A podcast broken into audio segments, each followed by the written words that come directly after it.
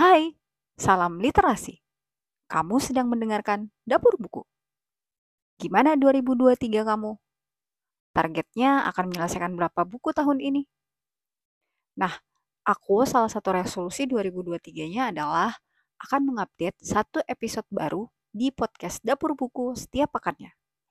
Nah, untuk pekan pertama ini, izinkan aku mereview buku yang terakhir aku tamatkan di 2022 lalu. Bukunya itu adalah buku Dalergut 2. Tapi rasanya nggak akan seru kalau aku nggak bahas buku ini satu paket dengan buku pertamanya. Teman-teman udah ada yang baca buku ini? Tahu nggak bahwa saat buku ini pertama kali diterjemahkan dan diterbitkan oleh penerbit baca, awalnya judulnya adalah Dolagut. Kemudian pada saat buku kedua akan diterbitkan, buku pertama akhirnya dicetak ulang dengan judul baru yaitu Dalergut, Toko Penjual Mimpi. Nah, buku pertama dan buku kedua ini bisa dibaca terpisah nggak sih? Kalau menurut aku ya, buku ini tuh sebenarnya bisa dibaca terpisah. Jadi kalau ada teman-teman yang secara kebetulan belinya buku kedua tanpa sempat membaca buku pertama, menurut aku nggak apa-apa kok. Teman-teman bisa baca dulu buku keduanya, karena pada saat sudah selesai membaca buku kedua, teman-teman malah akan makin penasaran gimana ceritanya Penny bisa bekerja di Dalergut toko penjual mimpi. Terus gimana ceritanya Penny bisa kenalan dengan Maxim pertama kalinya? Hmm, Udah ada yang penasaran gak sih siapa sih Penny ini? Terus Dollar Good toko penjual mimpi itu seperti apa? Oke deh, aku start ya nge-review buku ini. Tapi sebelumnya aku mau baca dulu identitas buku dari Dollar Good toko penjual mimpi yang diterbitkan oleh penerbit baca. Nah, teman-teman pasti udah pada tahu ya bahwa buku ini tuh diterjemahkan dari novel berbahasa Korea yang judul aslinya adalah Dollar Good Dream Department Store. This dream you ordered is sold out. Karya Lee Dan yang diterjemahkan tentu saja edisi bahasa asli ya. Jadi dalam penerjemahan tuh akan beda sebenarnya. Pada saat dia diterjemahkan dari bahasa asli yaitu dari Korea ke bahasa Indonesia atau yang ada ini nih, ada selaknya yaitu dari uh, bahasa Korea, kemudian bahasa Inggris. Nah, penerbit Indonesia kemudian menerjemahkannya dari bahasa Inggris. Nah, itu sebenarnya ada tantangannya tersendiri loh. Nah, syukurnya penerbit baca menerjemahkannya langsung dari bahasa aslinya yaitu bahasa Korea. Penerjemah uh, novel Dargut ini adalah Dwi Tariski, penyuntingnya Jia Effendi, kemudian penyelian naskah Dian Pranasari, pemeriksa aksara Titis Adinda penata isi dan perancang sampul adalah at desain gedang. Benar nggak sih bacanya gedang? Nah, penerbitnya teman-teman mungkin sudah tahu ya, penerbit baca. Uh, aku pengen baca bukunya, tapi aku rasa mungkin teman-teman bisa mendapatkan informasi ini uh, dari postingan di Instagram, baik di Instagram penerbit baca maupun bisa juga nanti nanya-nanya uh, di Instagram pribadi aku @atriasartika. Nah, aku mau uh, share kenapa sih novel ini tuh jadi kayak berkesan buat aku. Uh, aku pecinta novel hampir semua genre ya. Kenapa aku bilang hampir semua? Karena ada beberapa genre yang uh, tidak begitu nyaman untuk aku baca. Nah, salah satu yang jadi favorit aku adalah genre slice of life. Bahkan dulu aku sampai yang suka banget dengan uh, cerita ke keluarga gitu teman-teman mungkin sudah banyak yang kenalan dengan novel-novel in, jenis ini gitu. Nah, uh, salah satu yang menyenangkan dari genre slice of life itu adalah aku ngerasa kayak kadang aku bercer bercermin tentang kehidupan dengan membaca sebuah buku, termasuk novel yang uh, aku baca. Nah, uh, kenapa Good toko penjual mimpi terasa sangat berkesan buat aku karena uh, meskipun genrenya sebenarnya fantasi ya, karena dunia tempat Good berada tuh adalah dunia yang tidak akan ada di dunia nyata gitu. Aku malah ngebayangin kayak kadang berharap juga sih akan ada uh, sebuah uh, tempat. Jadi Good ceritanya kan berada di sebuah desa yang hanya bisa kamu kunjungi dalam tidurmu. Jadi kadang kayak ada nggak sih yang bertanya-tanya kayak apakah yang aku alami itu nyata gitu. Nah, uh, cerita di Dalar Good itu bikin kita bertanya-tanya, gimana ya kalau bener-bener ternyata tuh kayak ketika kita tidur, kita masuk ke sebuah dunia tempat Dalar Good berada, dan di sana tuh kita bisa membeli mimpi yang uh, kita butuhkan atau kita inginkan. Dan menariknya karena pembayarannya tuh bukan dengan mata uang, tapi kayak dengan uh, perasaan gitu. Jadi ada ada yang membayar dengan perasaan uh, berdebar-debar gitu. Terus ada juga uh, apa sih kayak perasaan bersemangat seperti itu. Dan ternyata semua perasaan itu ada nilainya loh gitu yang sebenarnya kayak bisa diuangkan lah di dunia dal tempat dollar good berada ini. Nah, kalau di buku pertama kita akan banyak berkenalan dengan uh, orang-orang yang berada di toko-toko uh, yang berada di toko dollar good. Jadi dollar good itu terdiri atas lima lantai. Setiap lantai itu uh, punya ciri khasnya sendiri kayak gitu. Nah, uh, pada saat Penny melamar untuk bekerja di Dollar Good, uh, dia diizinkan untuk jalan-jalan. Jadi memang pembuka di cerita ini tuh uh, dari tokoh Penny, Penny si tokoh utama sebenarnya. Walaupun uh, kehadiran Dollar Good, pemilik toko penjual mimpi ini tuh juga sangat signifikan. Namun tetap yang paling uh, kesannya kita adalah pembaca adalah teman baiknya Penny karena kita mengikuti cerita dari sudut pandang orang ketiga tapi dari sisi dia gitu. Nah, eh, cerita dibuka sebenarnya dengan bagaimana Penny mempersiapkan diri untuk mengikuti wawancara kerja di Dollar Good toko penjual mimpi ini. Nah, uh, menariknya pada saat dia lagi belajar nih, ada temen dia, Asam. Uh, Asam itu adalah uh, makhluk makhluk namanya Noctiluca. Nah, makhluk ini tuh kayak yang punya tugas uh, buat menyediakan pakaian untuk para tamu yang datang ke desa ini tapi dalam kondisi tidak berpakaian. Jadi ceritanya uh, mereka yang tertidur tanpa berpakaian itu ketika sampai di desa itu juga akan tiba dengan kondisi seperti itu sehingga para noktiloka ini kerjanya itu ngejar-ngejar mereka buat ngasih piyama sebelum mereka berkeliaran tanpa busana gitu loh.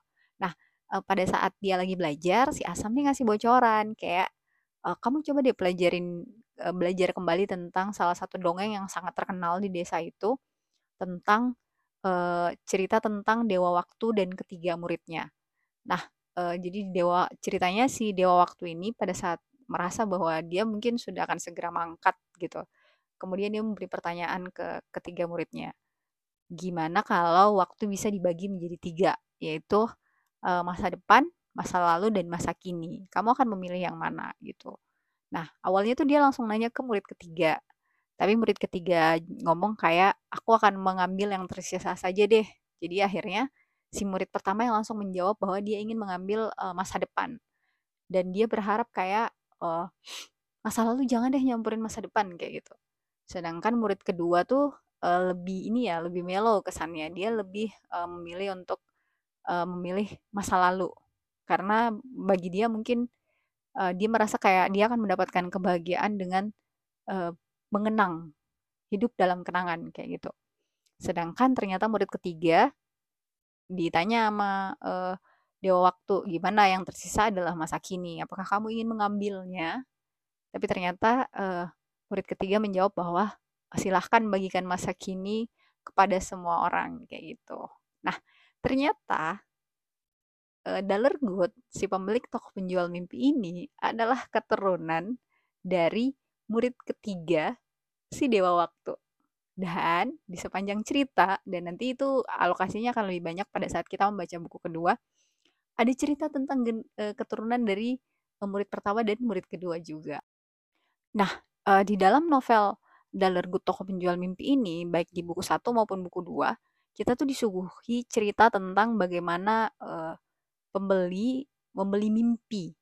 Nah, kalau di uh, buku pertama tuh memang uh, menurut aku ya dominasinya tuh dicerita tentang pembeli dan uh, Penny. Jadi kayak Penny mengamati pembeli, kemudian uh, gimana kemudian kita dapat selipan cerita dari sudut pandang pembeli di dunia nyata dan bagaimana mimpi itu mempengaruhi mereka. Salah satu yang berkesan dari aku cerita salah satu pembeli mimpi itu di dunia nyata dia adalah orang yang sudah hampir putus asa dalam mewujudkan mimpinya dia ini mimpi yang dikejar dengan mata terbuka ya. Jadi menariknya juga di situ kayak iya sih bener ya. Di dalam bahasa Inggris kan dream dan dream itu dream dalam dream yang berupa mimpi yang kita dapatkan pada saat tidur dengan dream yang berupa impian yang kita kejar dengan mata terbuka itu bisa memakai satu kata yang sama kayak gitu. Nah, di ternyata di bahasa Korea hal itu juga berlaku kayak gitu. Jadi ada uh, makna mimpi tentang bunga sebagai bunga tidur dan makna mimpi sebagai sebuah impian yang kita kejar untuk diwujudkan. Nah, di dalam salah satu cerita dikisahkan ada satu orang yang dia tuh udah hampir putus asa mengejar mimpinya. Uh, dia kayak yang ini tuh sudah adalah kesempatan terakhir dia untuk mewujudkan mimpinya itu dan dia masih ngerasa stuck. Oh ya, di mimpinya tuh kayak mimpi cita-citanya jadi uh, musisi. Nah, uh, dia berusaha untuk mengubah mengubah membuat sebuah lagu tapi mentok kehilangan ini apa dia merasa kehilangan inspirasi gitu. Kemudian dia nggak sengaja baca artikel tentang musisi lain yang uh, mendapatkan inspirasi lewat mimpi akhirnya dia jatuh tertidur. Nah pada saat dia sampai di Dalargut dia tuh kayak minta ke Penny minta ke apa petugas-petugas di Dalargut tuh kayak beri aku mimpi yang memberikan inspirasi gitu. Nah ternyata tuh dia kayak tapi apa petugas di Dalargut tuh selalu ngomong nggak ada mimpi yang seperti itu nggak ada mimpi yang seperti itu. Nah nanti akhirnya uh, singkat cerita Dalargut memberinya sesuatu yang kemudian uh, mewujud membuat dia mengeluarkan sisi terbaik dirinya sebenarnya. Jadi yang aku suka dari pesan itu adalah uh, kadang yang kita pikir kita tidak mampu tuh sebenarnya sudah ada dalam diri kita gitu loh. Jadi keputusannya hanya tetap lanjut atau menyerah sekarang gitu. Itu itu menjadi benang tipis yang penting gitu. Nah, hal yang menarik lagi dari buku Dalargut uh, toko penjual mimpi pertama tuh cerita si musisi ini kemudian menjadi mimpi yang menginspirasi uh, pembeli mimpi lainnya gitu. Dan pembeli mimpi yang lainnya itu kayak yang dia tuh merasa hidupnya hambar gitu. Kemudian pada saat sebelum tidur dia sebelum jatuh tertidur uh, dia melihat si musisi itu di dalam layar kaca sebagai orang yang berhasil gitu menjadi uh, apa salah satu idol lah gitu. Nah pada saat dia mimpi dia tuh dikasih kesempatan ngerasain hidupnya si musisi itu yang ada di titik terendah gitu. Kemudian dia kayak terbangun dan menyadari bahwa uh, hidup aku yang biasa aja tuh ternyata berharga gitu kadang yang kita pikir hidupnya lebih baik dari kita tuh perjuangannya juga sebenarnya lebih keras dari dari kita gitu. Nah, itu yang bikin aku kayak selesai baca buku pertama tuh kayak yang aduh, aku senang sama genre buku ini gitu. Kayak aku mendapatkan pengalaman hidup tanpa perlu mengalaminya langsung. Bukan kayak itu yang menarik dari membaca buku ya. Nah, kalau di buku Dalergut 2 itu kita diajak kenalan lebih jauh dengan uh, dunia tempat Dalergut berada, toko Dalergut ini berada. Si dunia yang harus kita masuki pada saat kita bermimpi gitu, yang baru bisa kita masuki pada saat kita bermimpi. Nah, ternyata uh, ada satu areal, bukan satu sih, karena menuju ke sana pun ada area lain yang harus kita lewatin. Dan itu ada area menarik, yaitu uh, kawasan perkantoran. Kebayang gak sih? Kita ke naik kereta, dan keretanya tuh kayak harus dikasih ini juga, kasih kalau kita kan dibayar pakai duit.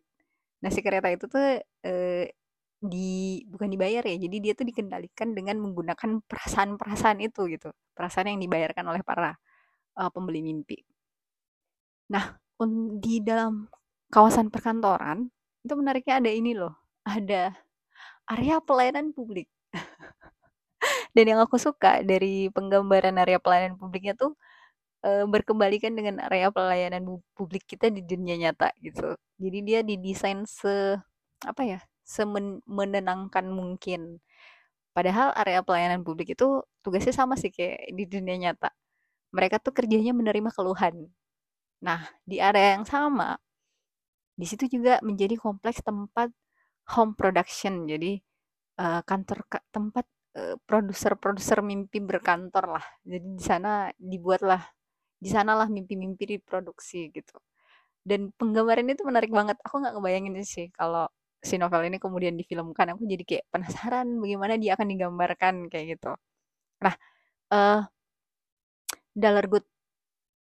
Akhirnya di dalam novel Good kedua kita banyak berkenalan dengan kehidupan di uh, tempat itu gitu. Tempat uh, dunia yang hanya bisa kita masuki pada saat kita tidur gitu yang menarik adalah aku suka karena interaksinya terbangun dengan baik dan yang jadi favoritku tentu saja interaksi antara Maxim dan Penny yang sudah aku sebutkan di awal uh, rekaman ini gitu.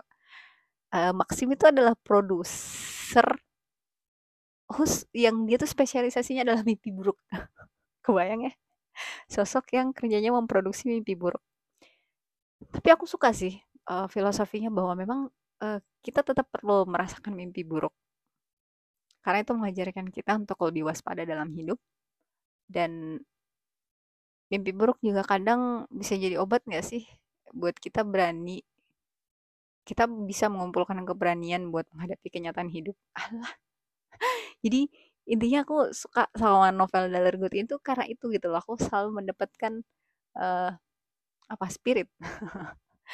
Insight tentang ya apa sih merasakan sebuah pengalaman yang tidak perlu kita rasakan langsung untuk mendapatkan pelajaran tentangnya apa ya hikmah kayak gitu. Nah, uh, kalau disuruh milih, kamu lebih suka yang mana Good satu apa Good dua? Aku naksir Good dua. Walaupun aku berharap akan ada Good tiga, karena kenapa aku masih penasaran perkembangan hubungan Penny dan Maxim. Uh, oh iya, di Dalergut uh, dua itu juga kesannya kayak lebih apa? Lebih ini ya emosinya tuh lebih agak ekstrim upside and upside up and down-nya. Jadi ada masa ada satu titik kita masuk ke sebuah kawasan yang tempat orang-orang yang apa ya depresi kali ya kalau di dunia nyata kita menyebutnya yang memiliki tenggelam dalam kenangan kayak nggak punya keberanian buat ngadepin uh, kenyataan atau menghadapi hidup sampai bahkan uh, apa ya merasa kehilangan keinginan untuk bermimpi. Seperti itulah. Nah, uh, tapi di sisi lain ending cerita juga membahas tentang uh, pesta piyama. Kalau ngebayangin pesta piyama, teman-teman ngebayangin apa? Aku ngebayangin uh, makan popcorn atau makan cemilan, terus sambil ngobrol seru sampai subuh dini hari, atau sambil nonton gitu, nonton film yang menarik. Kalau cerita hantu, aku nggak suka cerita hantu ya, jadi aku gak pernah ngalamin uh, apa sleepover ya cerita namanya. Apa kayak uh, pesta piyama yang sambil cerita horor. Aku nggak suka cerita horor. Ya itu genre yang aku nggak suka emang. Nah jadi kayak di Dalar Kedua tuh aku ngerasa secara emosional kita lumayan ada naik turunnya jadi lebih berkesan sih buat aku uh, dan apa dari sisi mental health-nya juga lebih muncul ya uh, di Good buku kedua gitu. Jadi itu aja deh, aku udah ngobrol banyak banget nih. Mudah-mudahan gak bikin teman-teman bosan dan menantikan review-review aku berikutnya di podcast Dapur Buku. Oke deh, sampai ketemu di episode podcast berikutnya. Doakan aku bisa konsisten uh, meng mengupload episode baru di podcast Dapur Buku yang berarti doakan aku bisa menamatkan satu buku setiap pekannya. Jadi aku bisa cerita tentang tentang buku-buku baru setiap pekannya. Oke deh, sampai ketemu di episode berikutnya. Jangan lupa bisa jalan-jalan ke Instagram aku @atriasartika untuk komentarin tentang podcast ini. Dan atau bisa juga kalau mau kenalan tentang journaling bisa jalan-jalan ke podcast Play with Journalnya aku dan bisa share juga sih lewat Instagram aku dan Twitter aku @atriasartika. Oke sampai ketemu di episode berikutnya. Bye bye. Salam literasi.